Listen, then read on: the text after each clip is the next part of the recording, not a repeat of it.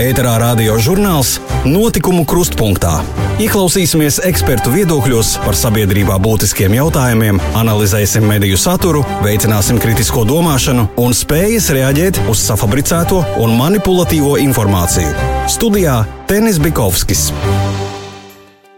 Sveicināti cienījamie radioklausītāji! Šīs dienas raidījumu, kā ierasts, sāksim ar starptautisko notikumu apskatu, pārlaposim Latvijas preses izdevumus un ieskatīsimies internetu portālos. Pie mikrofona aicināsim kultūras ministrijas mediju politikas nodaļas vadītāju Aigu Grišāni. Savukārt kopā ar Andi Kudoru analizēsim melu propagandu. Bet vispirms par būtiskāko, kas šonadēļ noticis pie mums un mūsu kaimiņu valstīs - mediju, cilvēktiesību un citās jomās. Pie mikrofona mikrofona Laura Sondore Strode. Startautisko notikumu apskats - aktuālā attīstība mūsu kaimiņu valstīs. Pēc valsts prezidenta kancelēs informācijas pāvesta vizītes atspoguļošanai Latvijā bija akreditēti vairāk nekā 280 žurnālistu, fotogrāfu, video operatoru un korespondentu. Ārvalstu mediju pārstāvi bija ieradušies no Lietuvas, Igaunijas, Polijas, Vācijas, Somijas, Spānijas, Itālijas, ASV un citām valstīm. Radio Svoboda informē, ka Ukrāņu žurnālistam Oļegam Sencovam, kuru Krievijas federācijā notiesāja uz 20 gadiem apsūdzot terora akta sagatavošanā anektētajā Krimā, piešķirts Parīzes goda pilsoņa tituls. Šāda titula piešķiršanai Sencova kandidatūru izvirzījis Parīzes mērs Anna Idalgo. Parīze vienmēr ir bijusi brīvības aizstāvības pusē. Oļegs Sencovs ir jāatbrīvo, paziņoja pilsētas mērs. Radio Deutsche Welle ziņo, ka Krievijas opozicionārs Aleksejs Navainijs, kurš pirmdien uzreiz pēc atbrīvošanas no ieslodzījuma tika atkārtoti arestēts, ir sirdsapziņas gūsteknis un nekavējoties ir jāatbrīvo no ieslodzījuma. Ar šādu paziņojumu atklātībā nākusi starptautiskās cilvēktiesību organizācijas Amnesty International Maskavas pārstāvniecības direktore Natālija Zvjagina. Maskavas pilsētas Smirnovas tiesa fonda cīņā ar korupciju vadītājam Aleksijam Navaļņiem piesprieda 20 diennaktis arestu saistībā ar darbībām mītiņa laikā, kura rezultātā cietusi cilvēka veselība un manta. Gubernatoru vēlēšanās otrajā kārtā Vladimiras apgabalā, kas atrodas 190 km uz austrumiem no Maskavas, ar 57% balsu uzvarējis Liberāla-demokrātiskās partijas kandidāts Vladimirs Sipjāgins, kamēr līdzinējā gubernatore Svetlana Orlova, kas pārstāv valdošo partiju vienotā Krievija, ieguvusi tikai 37,5% balsu.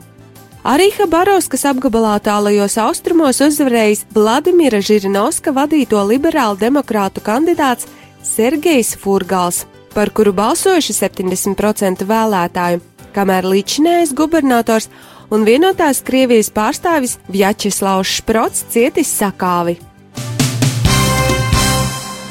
25. septembrī Krievijas oligarhs Romāns Abramovičs zaudēja tiesvedību Šveices izdevniecībai saistībā ar viņu prasību nepieļaut publicēt Šveices varas iestādes uzturēšanās atļaujas atteikuma iemeslus. Abramoviča un izdevniecības tiesvedība ilga septiņus mēnešus.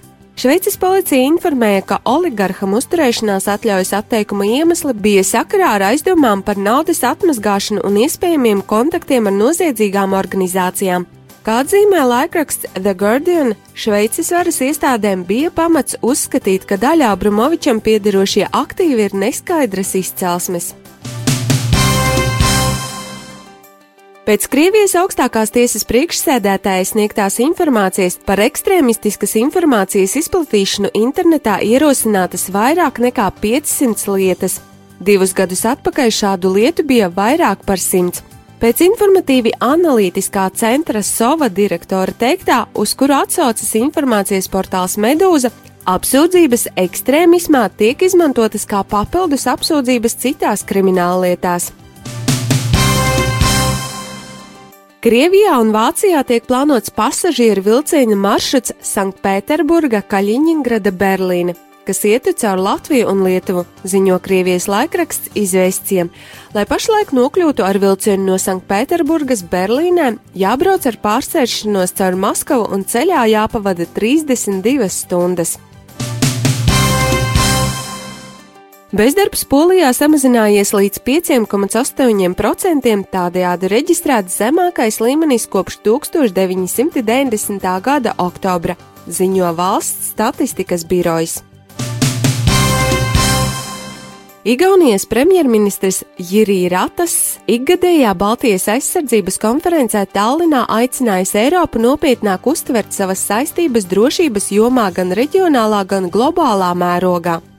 NATO valstis ir panākušas redzamu progresu un aplēsts, ka līdz 2024. gadam aptuveni pusē no NATO valstīm aizsardzības izdevumi būs sasnieguši 2% no iekšzemes koprodukta. Igaunijas aizsardzības izdevumi nākamgad pieaugs un sasniegs 2,16%, paziņoja Ratas.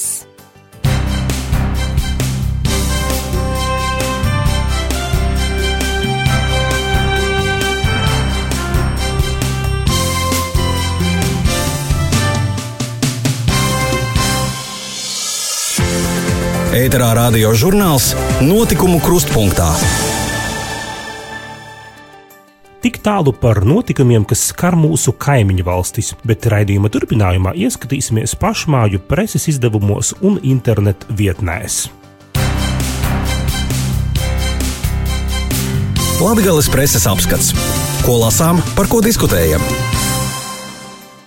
Portāls Jēkabpils laiks raksta, ka Sēlijas pašvaldības pieprasa mainīt Nacionālā attīstības plāna nostādnes, nodrošinot visu Latvijas novadu un pašvaldību līdzsvarotu attīstību un vienlīdzīgas iespējas īstenot dažādus investīciju projektus. Šī prasība iekļauta rezolūcijā, kas tapa 9. Sēlijas kongresā. Tāpat pašvaldības aicina sekmēt vienlīdzību un taisnīgumu Latvijas pašvaldību vidū, kā arī radīt iespēju Sēlijas novadu apvienības pašvaldībām realizēt kopēju kopējus projektus. Kongresa dalībnieki pēc debatēm apstiprināja rezolūciju, kas nosūtīta saimnes priekšsēdētājai, ministru prezidentam, vides aizsardzības un reģionālās attīstības ministrijai un Latvijas pašvaldību savienībai. Kongresā piedalījās 166 dalībnieki. Laikraksts Brīvā Daugava raksta, ka Jēkabils un novadu černobilieši saņēmuši īpašu piemiņas zīmi. Risina jautājumu par to, kāpēc zvanīšana uz Jēkabils pašvaldību ir tik dārga, kā arī informē, ka Miorī pilsētā Baltkrievijā parakstīta vienošanās par sadarbību starp Krustpils novadu un Vitebskas apgabala Miori rajonu. Laikraksts Latvijas laiks informē, ka Daugopils doma aicina izvirzīt kandidātus apbalvojumam Gada balva, kas tiek piešķirts sešās nominācijās - izglītība, kultūra, sports, lauksaimniecība, veselības aizsardzība, sociālā aprūpe un sabiedriskā darbība. Ierosinājumi jāiesniedz līdz 15. oktobrim Daugopils domas informācijas birojā. Jāņem vērā, ka balva tiek piešķirta par noteiktiem panākumiem un nopelniem šī gada laikā. Latvijas reģiona jaunieši arī šogad tiek aicināti pieteikties dalībai militāri patriotiskajā spēlē Latvijas sargi, kas notiks šī gada 4. oktobrī Daugopils cietoksnī. Lai piedalītos spēlē, ir jāveido sešu jauniešu komanda - trīs zēni un trīs meitenes, vecumā no 14 līdz 19 gadiem, un jāatsūta pieteikuma anketa, ko var atrast mājaslapā jaunatne.daugopils.lv. Aizupes aizupieši tā saucas grāmata, kurā tās autore kalupiete Gertrūda Rasnača raksta par savas dzimtās sāģes ļaužu likteņiem un savu bērnību. Nu pat grāmata ir nonākusi lasītāju rokās, vēsta Latgales laiks. Grāmatā minēti vairāk kā 600 uzvārdi, vismaz 200 gadu skaitļi un tikpat daudz notikumu. Portāls Daugopils ziņas.lv vēsta, ka par bijušās septītās pamatskolas ēkas un apkārtējās teritorijas iegādi Daugopils Forštetes apkaimē interesi šobrīd izrāda Latvijas uzņēmēji un investori no Turcijas. Daugopils domas pilsētbūvniecības un vides komisijas sēde izskanēja summa 1 miljons eiro, ko pretendenti plāno investēt šajā īpašumā. Pati ēka novērtēta uz 100 tūkstošiem eiro, un tā ir izsoles sākuma cena.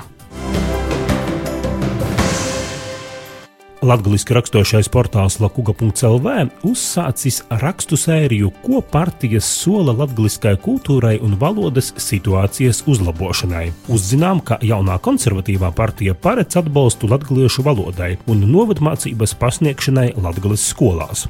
Savukārt Nacionālā apvienība visu Latvijai tēvzemē brīvībai LNK latgaliskās vērtības noteikusi par jaunās simtgades prioritāti. Partija sola noteikt skaidru latgaliešu valodas lietojumu valsts un pašvaldību iestādēs. Tikšot atbalstīta valodas mācīšana sākot ar pamatskolu. Nacionālā apvienība sola stiprināt latgaliešu plašsaziņas līdzekļu lomu latgaliešu valodas saglabāšanā un lietošanā. Atbalstīti tikšot arī pasākumi Latvijas kultūra telpas vērtību saglabāšanai un palielināts latviešu deju un dziesmu klāsts vispārējos dziesmu un deju svētkos. Nodrošināts finansējums nozīmīgiem kultūras projektiem, kas veicinās latviskās vērtības, tradīciju un valodas attīstību. Atbalstīti tikšot arī kultūras jaunrades procesi. Kā raksta Lakuga LV, Latvijas reģiona apvienības programma attiecībā uz latgalisko esot lakoniska, solot Latvijas kultūrvēsturisko novodu identitātes stiprināšanu, taču partijas mājaslapā nav paskaidrots, kā šos mērķus sasniegt. Jaunā vienotība sola atbalstīt brīvprātīgu novada mācību stundu ieviešanu latviešu valodā un sola panākt finansējuma palielināšanu grāmatu izdošanai latviešu valodas un kultūras saglabāšanai. Savukārt partija par alternatīvu iestājas par Eiropas reģionālās vai minoritāšu valodas hartas ratificēšanu, norādot, ka vietās, kur latviešu ir vairāk nekā 30% no iedzīvotājiem, latviešu valodai būtu piešķirams reģionālās valodas status. Izsmeļošāku analīzi par partiju piedāvājumiem varat lasīt portālā lakuga.lv slēgās.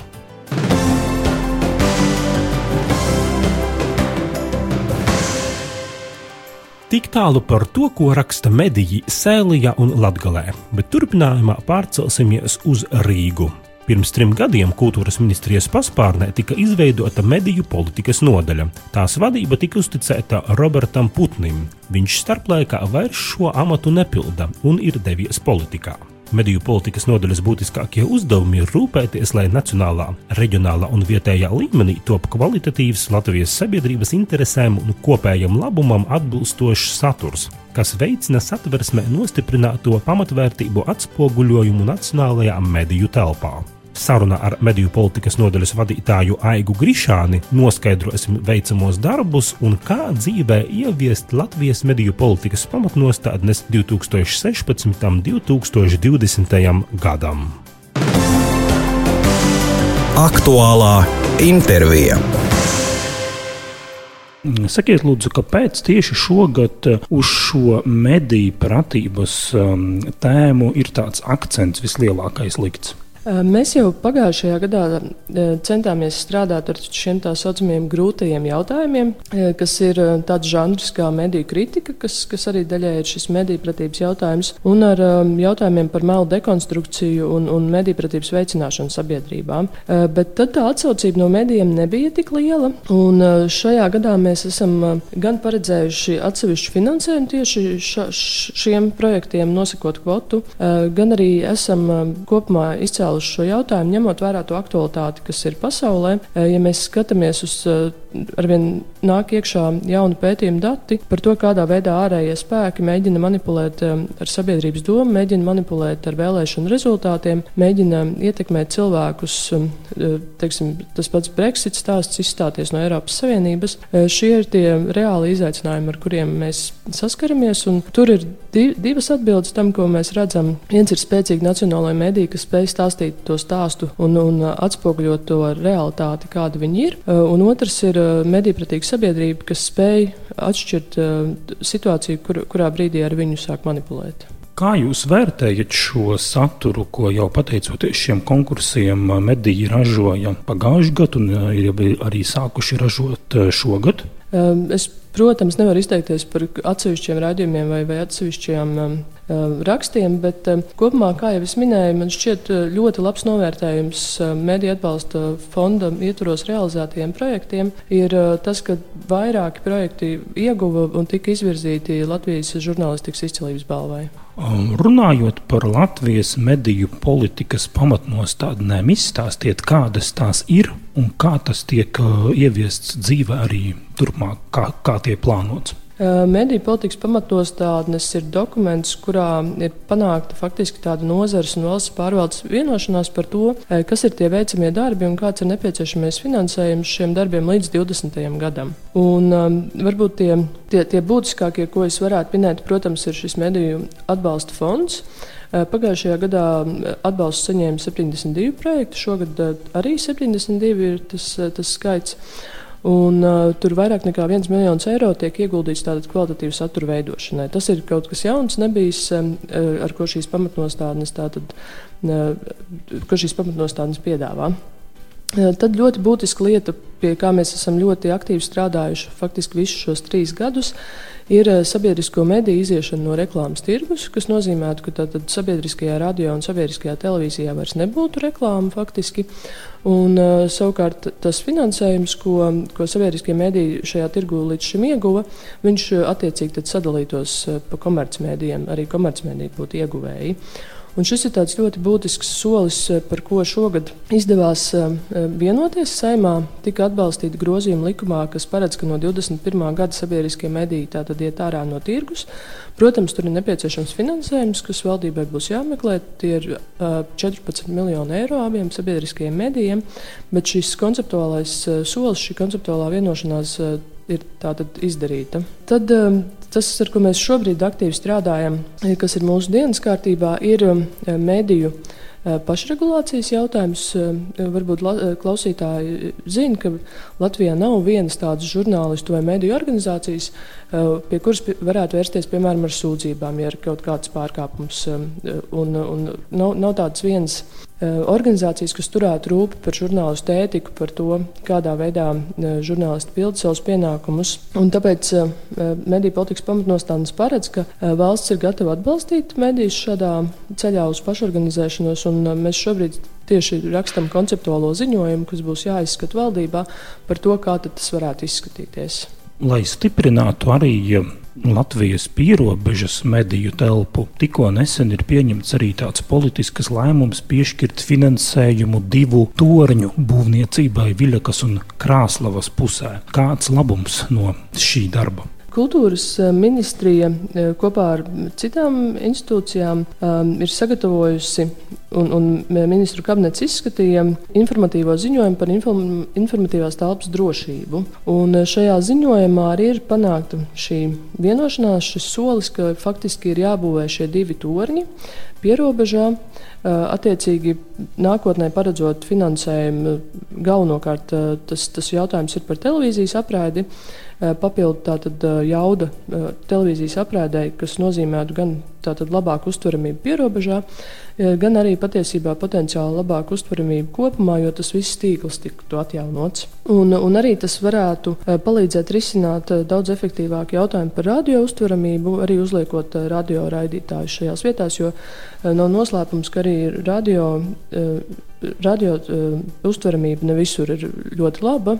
Un, tas arī ir viens no mērķiem, īpaši attiecībā, protams, uz sabiedrisko radio, palielināt to vairāk programmu uztveramību tieši pierobežā. Tā kā šie torņi to jautājumu varētu palīdzēt efektīvi atrisināt, un arī virkni citu lietu, kas ir šajā plānā, ir vērstas uz tātad informatīvās telpas stiprināšanu. Te mēs runājam arī piemēram par kopregulācijas mehānismu potenciālu melu dekonstrukcijai kur arī tātad apzinoties, ka valsts pati nevar to darīt, tad valsts būtu gatava Eh, sadarbībā ar nozari, sadarbībā ar mēdījiem, akadēmiskiem spēkiem, eh, nevalstiskajām organizācijām nākt kopā un domāt, kā efektīvi cīnīties ar šie, šiem melu lapām un, un eh, klikšķu lapām internetā šis konkrētais gadījums, kur tātad bija virkne viltus ziņu par tiešām tādiem jautājumiem kā lielveikalu sabrukšana, avārijas, lidmašīnu nokrišana. Tas bija tiešām nu, no to viltus ziņu izplatītāju puses jau tāda faktiski ir ļoti liela robežu testēšana. It īpaši ņemot vērā, ka virkni no tām ziņām tomēr um, varēja radīt arī sekas sabiedrībai par šādu lielveikalu, zinot uh, pieredzi, uh, kāda Latvijā ir bijusi. Tas ir tā, jau tāds tie, tiešām krietni pāri tai kaut kādai robežai pārkāpa. Un, attiecīgi, arī tad, no medijos pieejamās informācijas, tad šeit ir runa par šo huligānismu, kas ir gan huligānisms uz ielas, gan huligānisms internetā ir huligānisms. Un noslēdzot mūsu sarunu, mēs zinām to, ka it sevišķi Krievijas propaganda un informācijas pasniegšana viņu, viņu valstī piedarošos medijos ir tāda ļoti plaša un uh, Krievijas federācija arī ļoti lielu, milzīgu naudu liek šajos visos raidījumos, šovos un arī filmās, arī mākslas un dokumentālajās filmās. Sakiet, lūdzu, no, no jūsu ministrijas viedokļa, tas ir tāds solis, kas nepārtrūks. Būs tā, jūsuprāt, gan ministrijas gribēšana, gan politiskā izšķiršanās šo finansējumu nu, turpināt arī piešķirt tuvākajos gados. Man kā ierēdnim, protams, grūti prognozēt, īpaši ņemot vērā, ka mums ir vēlēšanas, bet šī valdība ir bijusi atbalstoša un ir gājusi uz priekšu tātad ar šiem risinājumiem informatīvās telpas stiprināšanai, izprotot to nepieciešamību gan stiprināt nacionālos mēdījus, gan arī strādāt ar mediju-pratības sabiedrības izglītošanas jautājumiem. Eh, tā kā šeit ir bijis atbalsts eh, šos gadus strādājot pie šiem jautājumiem. Ja mēs skatāmies gan uz to starptautisko kontekstu, gan um, kaut vai lasam eh, Eiropas komisijas, Eiropas padomas dokumentus, faktiski visur, visur tiek runāts par informatīvās vidas nozīmi, tīpaši demokrātijas aizsardzībā. Beidzot, visi ir sapratuši, ka tā situācija ignorējot šo Krievijas propagandu un neliekoties nezinis, Tas, tāda pieeja ir bijusi nepareiza, jo redzot šos vēlēšanu iznākumus un, un to tiešām arī apzināto mēģinājumus un, un apzinātās darbības, lai ietekmētu šīs vēlēšanas, beidzot arī mūsu rietumu partneri ir sapratuši. Tas jautājums, protams, ir ļoti aktuāls un es domāju, ka tas starptautiskais konteksts, gan tas mūsu vietējais konteksts, nu, nekādā gadījumā neļaut šo jautājumu nobīdīt malā. Jūs dzirdējāt sarunu ar kultūras ministrijas mediju politikas nodaļas vadītāju Aigu Grišāni. Ēterā radio žurnāls Notikumu krustpunktā. Ieklausīsimies ekspertu viedokļos par sabiedrībā būtiskiem jautājumiem, analizēsim mediju saturu, veicināsim kritisko domāšanu un spējas reaģēt uz safabricēto un manipulatīvo informāciju. Studijā Tenis Bikovskis. Turpinājumā par to, kādiem mērķiem tiek izmantota baiļu sēšana iedzīvotājos. Bailes, kā zināms, var izraisīt agresīvu reakciju vai tieši pretēji - paralizēt un nepieļaut nekādu pretdarbību. Kā norāda Austrumēropas politikas pētījuma centra izpildirektors Andis Kudors, šādu mērķu sasniegšanai biedēšanu izmanto arī Krievijas varas propagandisti un informācijas kara īstenotāji gan valsts iekšienē, gan ārpus robežām ar šādām ziņām var trenēties un pārbaudīt, kāda ir reakcija, kāda ir Latvijas institūcija reakcija, kāda ir sabiedrības reakcija. Un tad, ja ir kaut kāda nopietna destruktīva mērķa, tad stundā X var radīt, piemēram, paniku. Var, var novirzīt cilvēkus kaut, kaut vai uzmanību viņu uz kaut ko, vai arī fiziski viņiem likt pārvietoties uz kaut kādu noteiktu vietu. Nu, te var būt visdažādākie un vissliktākie scenāriji arī. Kas ir par katru konkrēto, te būs grūti spriest, tur ir uzmanīgāk. Jāpēta, katrā ziņā tā ir neveselīga parādība. Un um, uh, viena lieta būtu pašu žurnālistu cunftei, būt uzmanīgiem un sekot līdzi, ko, ko dara viņu sugas brāļi bet mēs zinām, Latvijā ir divas asociācijas, un, un viņu mērķis varbūt arī nav tik daudz runāt par to viņu darba kvalitāti, bet vairāk viņas funkcionē kā tādas arotbiedrības, kas arī ir ok, viņiem ir tiesības tā, tā darboties. Uh, ja tas ir kaut kas, kas ir saistīts ar, ar paniku un tādām lietām, tas ir pārvēršās par nacionālās drošības jautājumu. Kādā veidā tiek ražoti dezinformācijas produkti Krievijas medijos, un kāds ir šo rakstu interviju izplatīšanas mērķis? Jā, ja mēs sadalītu tradicionālos medijus, un, un teiksim, internetu medijus un, un, un jaunos, jeb sociālos medijus, tad tas, tas pirmais treniņš Krievijā notika daudz gadu garumā, un pārsvarā tas bija saistīts ar tradicionāliem medijiem, ar lieliem televīzijas kanāliem. Kremlī redzēja, ka nekontrolējot kanālu saturu, viņiem rodas problēmas, respektīvi sabiedrība uzzina patiesību par Beslandes krīzi ķīlnieku krīzi, par, eh, par karu Čečenijā, par Nordostu ķīlnieku krīzi un citiem jautājumiem, un uh, par Kursku uh, zemūdens noslīkšanu, kur Putins izgāzās, nereaģējot laicīgi un reaģējot specifiskā veidā. Uh, nu, visi šie gadījumi ietekmēja Kremļa cilvēkus. Viņi saprata, ka viņiem jākontrolē visa lielā mediju plūsma. Viņi pārņēma vienu pēc otra lielos televīzijas kanālus. NTV, TV6, toreiz ORT.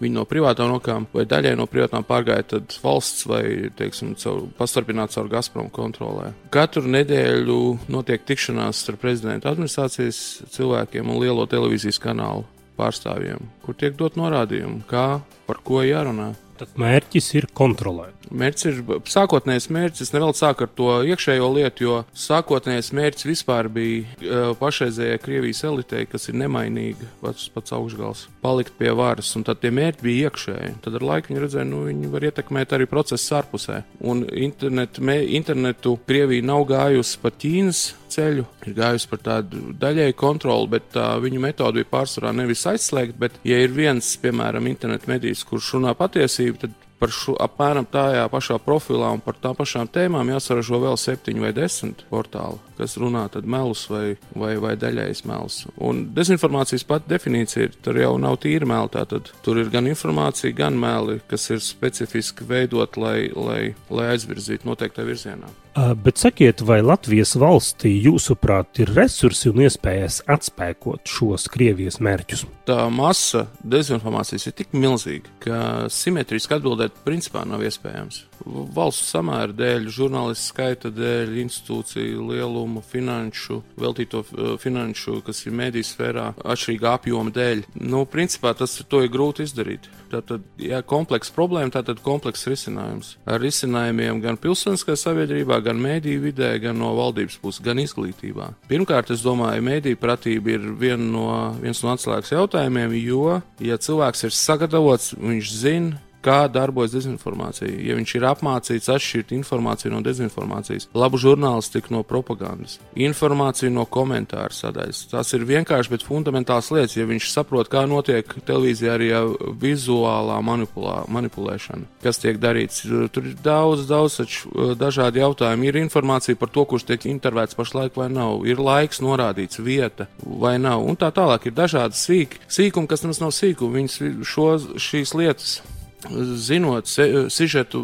secību, kas pēc kā nāk, kāpēc šim sižetam ir 4 minūšu laiks, kāpēc tam, tam citam ir 30 sekundes tikai un tā tālāk. Šīs lietas, kas varbūt agrāk bija tīri žurnālistu prerogatīva, jeb viņu sfēra, pārvērtušās par katra individu principiālu nepieciešamību tās zināt. Tas tas pats, kas zināt satiksmes noteikumus. Nevar būt tā, ka, piemēram, tikai automašīnu vadītājs zina satiksmes noteikumus, gājējiem arī jāzina. Un šis ir tas gadījums, ka, ja, ja Latvijas sabiedrība cilvēki, tā skaitā caur izglītību, tiks apmācīti un zinās, kas ir kas, tad ar viņiem jau ir grūtāk manipulēt. Otra lieta ir, es domāju, nu, es tomēr uz, es turos pie radikālajiem uzstādījumiem. Arī divi, trīs Krievijas propagandas kanāli ir jāslēdz ciet Latvijā. Tie nav mēdīji. Viņi nekādīgi nevairo Latvijas demokrātiju, viņi to grauj. Vēstījumi ir antidemokrātiski. Tad jūs uzskatāt, ka tomēr līdz galam mums neveicas Latvijā ar šo šīs propagandas apkarošanu? Mums veids daļēji. Mēs redzam, ir tie saucamie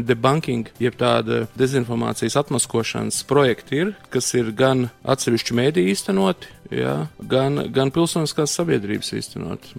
Austrumēras politikas pētījuma centrs arī mums viens pētnieks ik mēnesi Delfos jā, vienu projektiņu uztur. Lūk. Bet es domāju, ka kopumā nav izdarīts pietiekami, protams. Dzirdējāt sarunu ar Austrumēropas politikas pētījuma centra izpildu direktoru Andi Kudoru.